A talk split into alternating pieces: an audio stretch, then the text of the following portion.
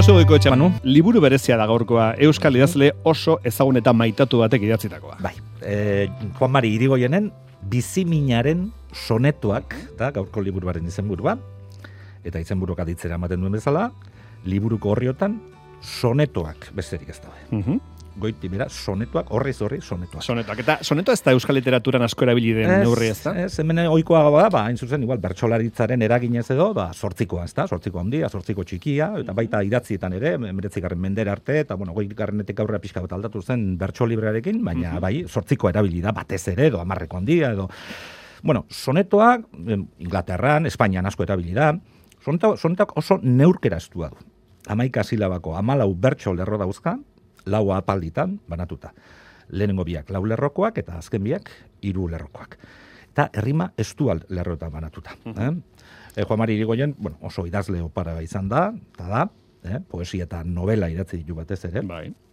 Ni eh, gaztetxotan irakurri nuen udazkenaren balkoitik Mhm. eh, izeneko novelak, maite minu ninduen, ja, behar bada ezagunakoak dira, ba, Babilonia edo lur bat aratao novelak, ezta? Bai.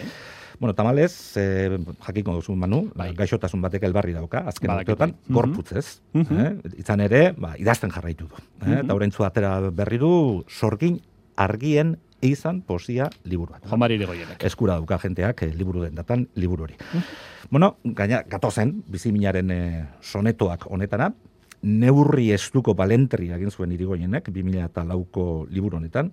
Eta, bueno, egia esan, gozamena da poema hauek irakurtzea, gozamena da poeta bat neurriaren eta herribaren arteko solas eta borrokan irakurtzea, eta edukiera egine bai, ezta? Idazkera eh, zin ederragoaz gainera. Eh, hiru soneto irakurriko dizkiot nik hemen, Ados. eta ea zuek ere, nik beste, gozatzen dituzuen. Seguro baietz. Bueno, sonetuaren eh, maixuetako bat izan zen, Quevedo, Espainiarra, arkidatzi zuen serán ceniza más tendrá sentido, polvo serán más polvo enamorado.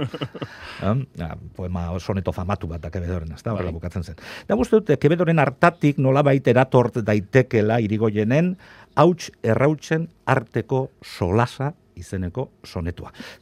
Nolabaita bizitzaren eta eriotzaren arteko elkarrezketa bat, ez da, poetek hain, hain gustuko duten gai bat, ez da, bizitza eta eriotza, denbora, eta bar. Eta hause da, hauts errautzen arteko solasa.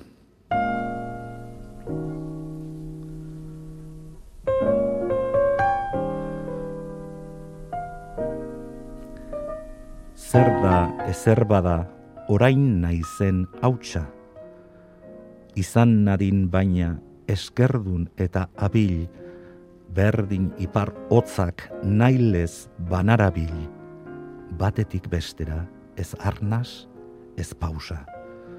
Izan neguan zu bat bizteko gauza, biur aldian behin eskua ukabil. Aurki hilko garela, zer axola mutil, ilobian gero betiko bagautza. Axola dizu bai ordea, hauts jaio, errauts bihurtzeko, oi ene tamala. Naizen hautsa baitut, hotz minaren zaldi. Aldiz, errautsaren soinari damaio, lurrak, atxedena, aizeak, egala. Errautsaren muga, errautsaz, araindi.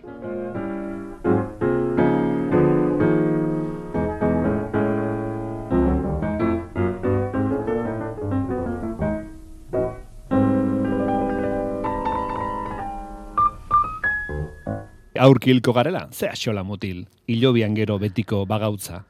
Eh?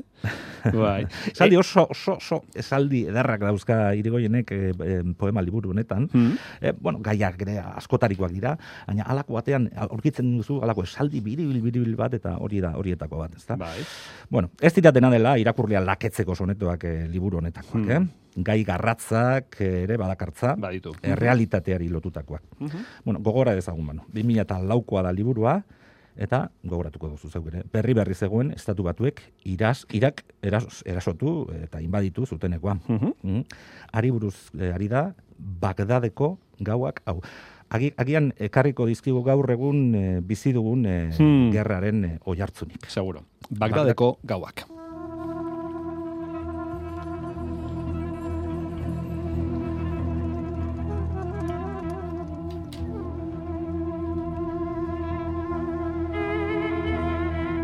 Madarikatuak behin eta berriro, idun zuri duten kriminal zuriak, arrasta ditzala odol isuriak, itobitez urrebeltzean betiro.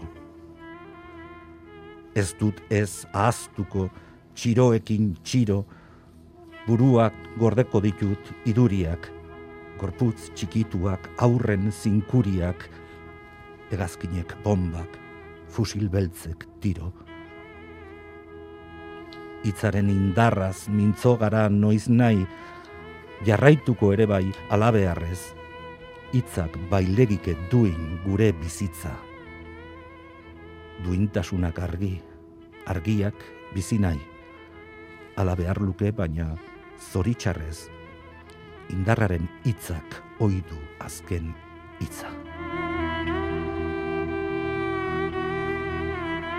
Ze borobila azkeneko esaldi hori, Mhm. eza? Zoritxarrez, indarraren hitzak oidu azken hitza. Bai, Tamalez zela da, ja, eh, oraingoan eh, Bai. bestelako emaitza dugun eh, eta hitza, benetako hitza gailentzen den. Esan diguzu, ba, e, poesia hau ekarritekela gaurkotasunera, hain justu gerra baten ardian gaudelako, Europa dagoelako, Mhm. eta biharko egun ere egun borobila izango da, za bihar deiera laurogeita bosturte, Gernika bombardatu zutela, ez da bihar laurogeita bosturte. Bueno, hitz pisutsu eta ilunak izan ditugu, e, buka ezagun e, argiprintzeak ekarreta, edo... Bai, bai, bai, bai, bai. Eh, Pisua ere badauka, eh? baina argi printza adizkidetasunari buruzkoa soneto eder bat delako. Bada soneto bat liburu honetan oso oso ederra. Eh? Bi lagun, demagun bi poeta, Juan Mari Irigoyen bera, eta Patxi Ezkiaga poeta legorretarra, Mhm. bestetik. Bai. Ba, utakit, tolosatik eh, abiatuta, edo legorretatik bertatik abiatuta, Ulizar mendirainoko txangoan duaz biak. Hau, ezkiagari eskainitako poema da hau. Ulizar mendia.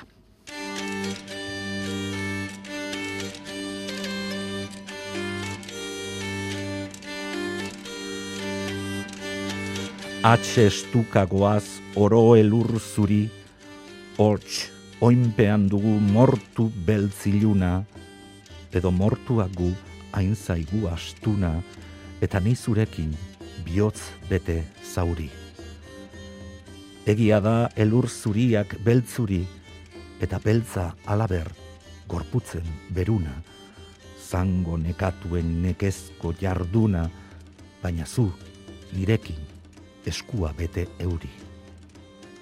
Euri gozo baitzait ezti sendagarri, zure esperantzazko hitzen karabana, mortu hotzetako izotzen urgarri. Berdin zait jada zer egin dezakegun, oro bat gailurra ezin atzemana, gailur ditut eta zure hitzak lagun.